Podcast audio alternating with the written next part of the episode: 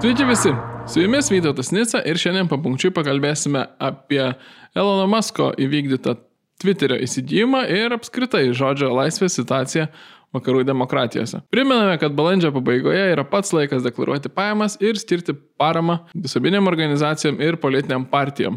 Kaip ir ankstesniais metais, kviečiame savo 1,2 procentų skirtą nevyriausybinėms organizacijoms pervesti pro patrijai, o 0,6 procento skirtą politinėms partijoms pervesti nacionaliniam susivienimui. Jums tai nieko nekainuoja, jeigu to nepadarysit, pinigus paskirstys vyriausybė. Skirkit verčiau kelias minutės ir perveskite šią paramą, kuri mums reiškia labai daug. Pirmadienį turtingiausias pasaulio žmogus Elonas Muskas pagaliau įsigijo visą Twitterio kompaniją.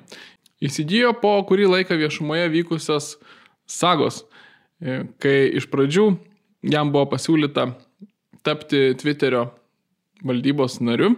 E, po to, kai paaiškėjo, kad jis turi 9 procentus Twitterio akcijų, iš pradžių jis tarsi ir sutiko būti tuo valdybos nariu, tada paaiškėjo, kad e, valdybos nariai negali įsigyti daugiau kaip 15 procentų akcijų, tada jis suprato, kad na, tada jo galimybės veikti ir priminėti sprendimus bus apribotos, atsisakė to pasiūlymo ir neilgai trukus po to pateikė siūlymą įsigyti visą Twitterį, visas akcijas iš visų dalininkų bendrai už 44 milijardus Amerikos dolerių. Pirminė Twitterio valdybos reakcija buvo priešiška, jie svarstė įvairius būdus, kaip atsisakyti šio pasiūlymo, bet, na, kadangi tai yra finansinis pasiūlymas ne apie Twitterio valdymą, o apie e, tai, kas iš jo uždirbs, galutinis žodis čia vis dėlto turėjo būti e, dalininkų, na, ir jie buvo suvilioti šiuo pasiūlymu ir galiausiai Twitterį pardavė.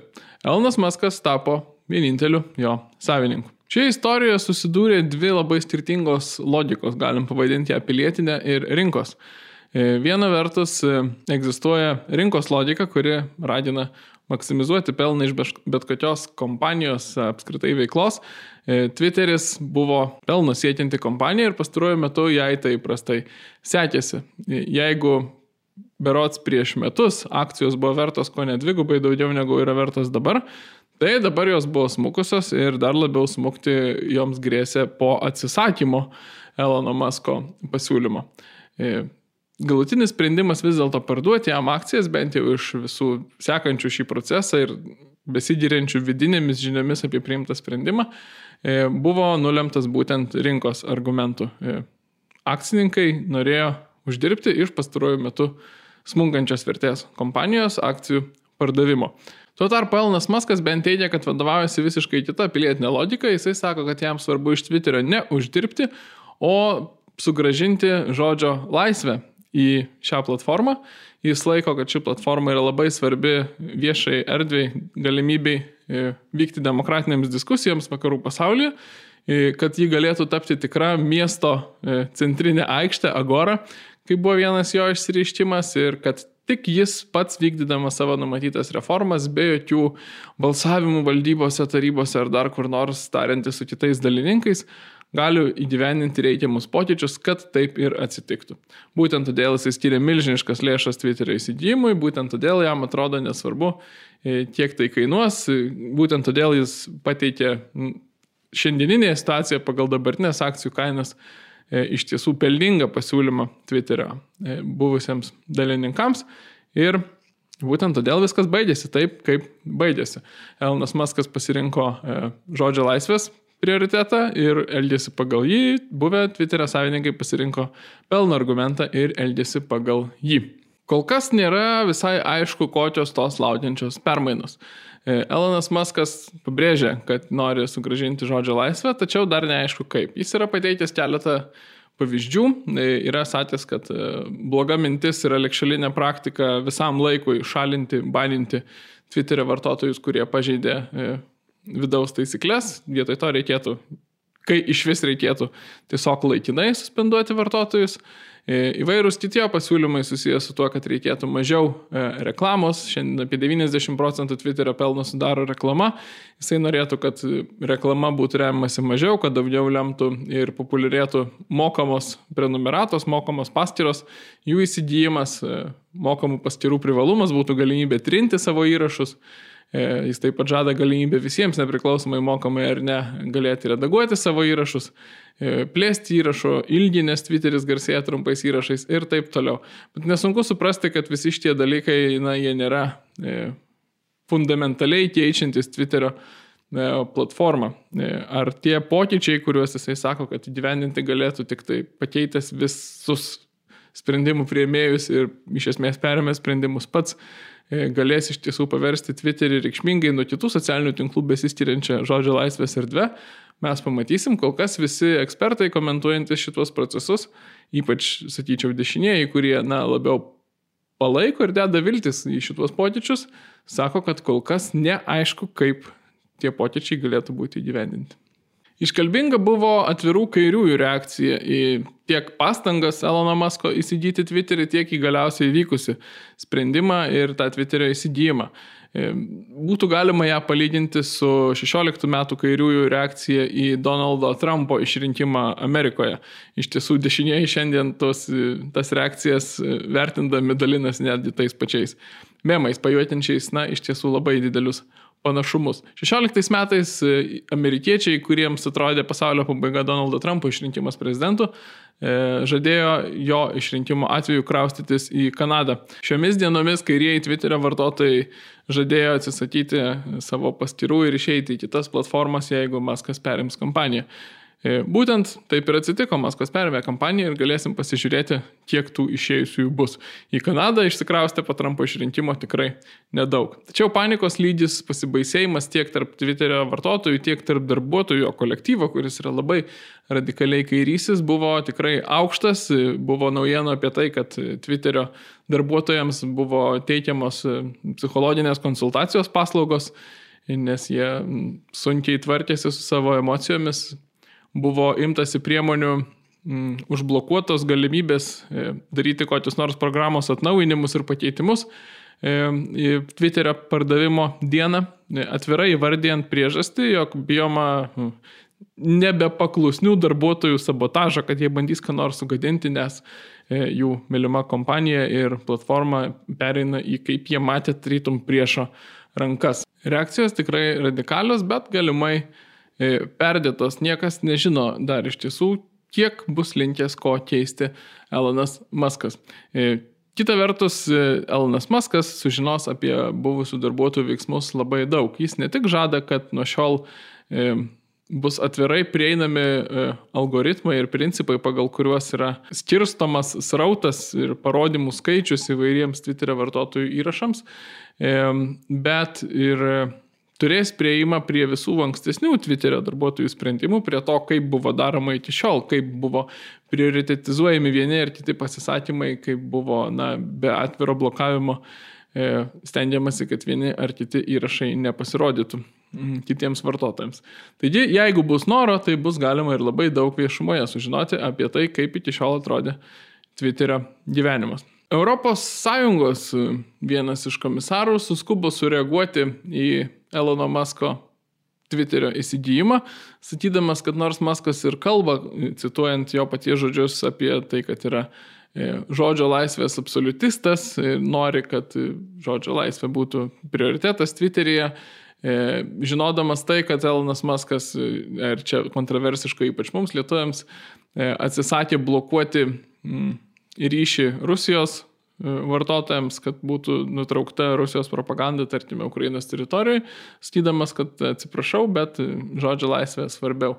Pagaliau perimdamas Twitterį jis komentavo ir to turbūt nereiktų priimti labai rimtai, kad būtų puikia tokia tvarka, kuri vienodai pykdytų po 10 procentų pačių radikaliausių dešiniųjų ir kairiųjų. Kalbant apie žodžio laisvės apribojimus Twitterio platformoje. Žodžiu, matydamas tokį Masko nusiteikimą ir pasisakymus, ES atsakingas pareigūnas pareiškė, kad Elonas Maskas tegu neįsijaučia, nes e, bent jau ES erdvėje e, egzistuoja ribojimai socialinių tinklų platformoms, e, tam tikros taisyklės, kurių ir Twitteris bet kuriuo atveju privalės laikytis ir tuos ribojimus galiojančius ES taikyti. Jis taip pat pabrėžia, kad Maskui tai neturėtų būti jokia naujiena, nes jo kitos kompanijos, pirmiausia, Tesla vykdo prekybą ES teritorijoje ir žino, kad čia galioja kaip automobiliams įvairūs reguliavimai, taip ir socialiniams tinklams. Europos komisijoje kaip tik visai nesnei priimtas skaitmeninių paslaugų aktas. E, projektas, kuris turėtų įtvirtinti visoje ES galiojančias e, socialinių tinklų platformų elgesio taisyklės, kurių privalėtų laikytis jas užtikrinti visi socialiniai tinklai veikiantys ES teritorijoje. Iš esmės, projektas griežtina socialinių tinklų atsakomybę už neapykantos kalbos ir visokių kitų galimai neleistinų pasisakymų įvairaus turinio publikavimą. Kol kas šitas projektas ir yra projektas, nes jį dar turės patvirtinti Europos parlamentas ir Europos vadovų taryba. Čia mes prieinam galbūt sudėtingiausią mūsų šios dienos temos klausimą. Tai yra, kienogi vis dėlto turėtų būti atsakomybė už įrašus socialiniuose tinkluose. Iš principo egzistuoja du modeliai. E, konkretaus vartotojo rašančio socialinėme tinkle atsakomybė arba pačios platformos socialinio tinklo atsakomybė. Iš jų turėtų logiškai plaukti dvi pasiekmes. Jeigu atsako pats vartotojas už savo žodžius ir jis, na, tiesiog rašo juos, tarytum bet kokioje kitoje vietoje, rašo juos socialinio tinklo paskyroje, tai jis ir neturėtų būti varžomas paties socialinio tinklo. Jeigu jis pačiais šalies, kurioje gyvena ir iš kurios rašo įstatymus, e, tuo savo įrašu, tai jis prieš tą šalį jos įstatymus ir atsakys. Bet joks tarpininkas, jokios, tarkim, Facebook'o ar Twitter'o papildomi ribojimai ir sankcijos čia nėra reikalingos. Jeigu kitas modelis atsako e, socialinis tinklas už jame padarytus vartotojų įrašus, na tada logiška, kad socialinis tinklas pats ir sprendžia, kas jam sukels pasiekmes, kas nesukels pasiekmių ir atitinkamai turėtų e, reaguoti ir kurti kontrolės mechanizmus, kurie ir tampa po to įvairių baninimų, ribojimų, išaldymų ir panašių sankcijų priežastimi. E, būtent pastarąjį modelį taiko ES, bent jau prie jo eina ES, sakydama, kad štai yra šios tokios ir tokios taisyklės, jūs turėsite e, užtikrinti, kad vartotojai jų laikytųsi, kitaip jūs, ne vartotojai, o jūs, socialiniai tinklai, jų administracijos ir savininkai būsite atsakingi už pažeidimus. Gana įdomu yra JAV kur iš esmės nesilaikoma nei vieno, nei kito modelio. JAV nepavyksta sukurti socialinių tinklų atsakomybės, e, o bandoma tai padaryti, tai yra bandoma eiti tų antrojų modelių, todėl kad socialiniai tinklai bet kuriuo atveju taiko cenzūrą, taiko vidinius ribojimus įvairius neapykantos kalbos ir panašias taisyklės savo vartotojams. Tai yra elgesi taip, tarsi pats socialinis tinklas, o ne vartotojas būtų atsakingas už savo veiksmus ir įrašų turinį, bet patys iš tikrųjų jokios atsakomybės neneša. Ir tai be abejo sukuria tam tikrą dvilypumą, nesažiningumą ir ta, būtų logiška, nusekliai einant tuo keliu, kuriuo pačios kompanijos eina, kad jos vis dėlto būtų atsakingos už vartotojų įrašus. Kuklia mano nuomonė vis dėlto būtų teisingiausias tas pirmasis modelis - palikti visus vartotojus atsakingus prieš savo šalių įstatymus. Jeigu jie tuos įstatymus pažeidžia, tai pagal tuos įstatymus ir turi būti baudžiami ar pagal kokį nors etikos ar pagal e, administracinių pažeidimų ar net pagal baudžiamosios teisės kodeksus. Tačiau ne ribojami socialinių tinklų administratorių pagal kažkokias dar papildomas jų pačių susikūriamas taisyklės. Nei JAF, nei ES kol kas šituo, na, iš tiesų mano galva, labiausiai mm, žodžio laisvę gerbinčių modelių neina. Kaipgi šią temą yra Lietuvoje? Gana niekaip. Galima pastebėti, kad Lietuvos didžiojo žiniasklaidoje apie Twitterio įsigijimo istoriją beveik nekalbama. Žinoma, Twitteris yra iš esmės JAV besibazuojanti korporacija ir daugiausia JAV žiniasklaida rašė apie visas šias aktualijas, rašė kaip apie vieną svarbiausių aktualijų, kaip apie tokią, apie kurią ne tik praneši trumpam lakonišką naujieną, bet ir po to darai diskusijas, reakcijas, atsiliepimus, ekspertų klausi, kaip tai vertinti ir taip toliau. Nieko panašaus Lietuvo žiniasklaidoje nebuvo, buvo labai lakoniški paminėjimai, kad na, toks procesas įvyko ir viskas. O be reikalo, tas procesas vis dėlto yra svarbus visame pasaulyje, kur yra naudojamas Twitteris ir ne tik, nes e, greičiausiai pokyčiai Twitter'e, jeigu jie įvyks, tai palies ir kitus socialinius tinklus, nes pasikeis konkurencinė aplinka tarp socialinių tinklų.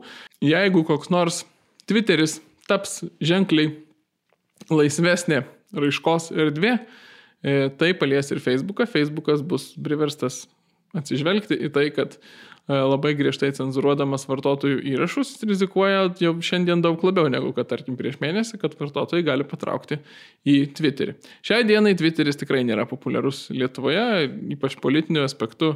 Politikai dažniausiai pasitelkia jį tik tai rašydami tarptautiniai auditorijai. Neretai galima net pastebėti tokių šiaip tragikomiškų atvejų, kada politikas lietuviškai rašo vienokį turinį, O angliškai rašo visiškai priešingą turinį su priešingais akcentais, na, nes lietuviškai auditorijai reikia vienos žinios, o tarptautiniai kitos. Tai šiandien Twitteris nėra labai svarbus Lietuvoje, bet pokyčiai gali paliesti ir mus. Nėra ko slėpti pastaruoju metu, pastaraisiais metais e, socialiniuose tinkluose vis stiprėja tai, ką galim tiesiai vadinti vartotojų cenzūra. E, ta cenzūra dažniausiai reiškiasi ne, neapykantos kalbos kaltinimų, tai yra vartotojai būna perspėjami arba jiems tiesiog konstatuojama, kad jūs pažeidėte mūsų vidaus taisyklės, e, skleisdami neapykantos kalbą. Kas tai neapykantos kalba? E, ji egzistuoja ir šalies įstatymuose, tik šalies įstatymuose yra daug siauriau taikoma. Laisvės partija labai stengiasi, kad būtų taikoma plačiau, bet kol kas tai pakankamai reti atvejai. Ir ji nurodo į pasisakymus, kuriais skatinama neapykanta, susidorojimas ar panašus dalykai su įvairiomis e, mažumų grupėmis - religinėmis, etinėmis, rasinėmis, seksualinėmis ir taip toliau mažumomis. Labai svarbus momentas, jeigu nesi mažuma, prieš tavim neapykantos kalbos būti negali. E, baltasis vyras, vidutinio amžiaus, vidutinių pajamų, dar koks nors stereotipiškai žmogus, kuris nėra mažuma, negali būti ir neapykantos kalbos objektas. Turbūt daug kas e, socialinių tinklų gyvenime yra pastebėję, kad neapykantos kalba labai dažnai yra apkaltinami žmonės, kurie neskleidė jokios neapykantos, nekeikė jokių asmenų, nes neragino su niekuo susidoroti, e, nekalbant jau apie tai mažumas ar nemažumas, su niekuo neragino susidoroti, bet vis tiek buvo apkaltinti, kad skleidžia neapykantos kalbą. Na ir taip yra iš esmės todėl, kad šiandien neapykantos kalba yra tiek išplitusi ir išsiliejusi e, kaip savoka, jog e, jie įvardėjamas paprasčiausias prieštaravimas įvairiausių saugomų mažumų reikalavimams. Jeigu pasisakai prieš vienalytę santoką, esi homofobas, kleidi neapykantą homoseksualams. Jeigu pasisakai prieš lyties keitimą, esi transfobas, kleidi neapykantą transseksualams. Jeigu pasisakai prieš nelegalų įleidimą į šalį, esi ksenofobas, kartais gal ir rasistas ar islamofobas ir skleidi neapykantą šitoms visuomenės grupėms. Ir taip toliau. Žodžiu, neapykantos kalba yra tapusi banalaus susidorojimo su kitaminčiais įrankių. Žiūrovui gali kilti klausimas, kuo apskritai svarbi šita tema. Pusę laidos prašnekėjom tiesiogiai apie Twitterį, kurio net nelabai daug kas naudoja Lietuvoje. Bet jeigu žvelgiam iš principo į šitą klausimą, tai yra klausimas, e, ar būtina žmonėms yra lygi galimybė prieiti prie socialinių tinklų.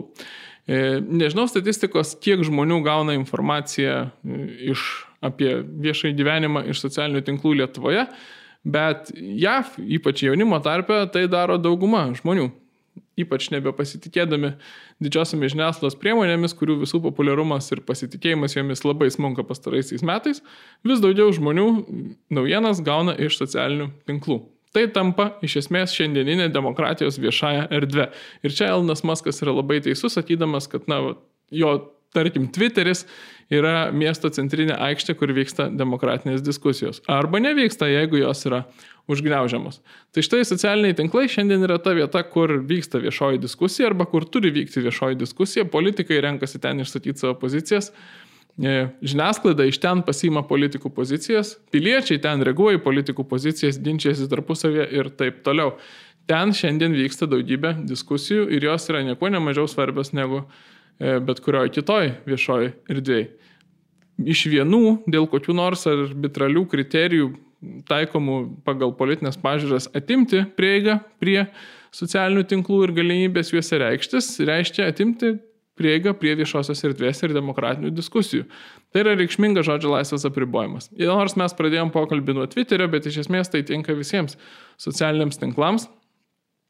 E, Visose juose yra svarbu užtikrinti tą galimybę, kad žmonės galės naudotis ir skleisti savo idėjas nepriklausomai nuo to, kurioj politinio spektro pusėje jie yra ir kurias idėjas atstovauja, tol kol jos nėra nusikalstamos pagal šalies įstatymus. Apibendrinkime. Lietuvoje labai tyliai praėjo iš tiesų labai svarbi ir įspūdinga žinia, jog turtingiausias pasaulio žmogus Elonas Muskas įsigijo vieną didžiausių pasaulio socialinių tinklų - Twitter. Įsigijo jį tiesiai sakydamas, kad nori paversti jį žodžio laisvės erdvė, kurioje nebūtų blokuojami vienu ar kitų pažiūrų atstovai, nesklistų woke virusas, kaip jis pats tą pasakė, ir būtų galima užtikrinti demokratinės diskusijas, kurios yra demokratijos pamatas. E, iš tiesų galima tik pritarti jo tikslams, bet neįmanoma pasakyti, ar pavyks, ar sugebės jisai tuos tikslus realizuoti. Europos Sąjunga e, šiuo metu kaip tik juda link griežtesnio socialinių tinklų reglamentavimo ir socialinių tinklų savininkai, įskaitant tą patį Eloną Muską, privalės su tuo reguliavimu e, skaitytis, jeigu toks reguliavimas bus priimtas. Mano giliu įsitikinimu geriausia socialinių tinklų reguliavimo forma yra pačių vartotojų atsakomybė prieš savo šalių įstatymus. E, jeigu tavo įrašai pažeidžia tavo šalies įstatymus, tu ir gali būti asmeniškai traukiamas atsakomybėn dėl savo įrašų. Socialiniai tinklai nei turėtų būti atsakingi, nei turėtų kišti su kažkokia papildoma savo pačių vykdoma cenzūra. Kodėl tai svarbu? Todėl, kad būtent socialiniai tinklai yra šiandien 21 amžiuje vos ne pagrindinė viešųjų diskusijų vieta, vieta, kur bendrauja politikai su rinkėjais, kur vyksta idėjų mainai, a, dažnai ir tiesiog ginčiai. E, prieiga prie šitos erdvės visiems turėtų būti vienodai užtikrinta. Pažiūrėsime, kaip seksis tą daryti tiek Lietuvoje, tiek ir kitose vakarų šalise ateityje. Tiek šį kartą, ačiū žiūrėjusiems. Turbūt jau žinote, kad Propatria nesinai buvo užblokuota Patreon paramos platformoje ir turėjome pereiti į Contribui platformą, kur dabar ir kviečiame skirti mums paramą ir jeigu tai darėte anksčiau ir dar neperėjote iš paskos ir jeigu nuspręstumėte mus pradėti palaikyti šiandien. Contribui.com svetainėje skirkite pasirinktą dydžio paramą. Ačiū, be jūsų mums nieko neišeitų. Sudėjau.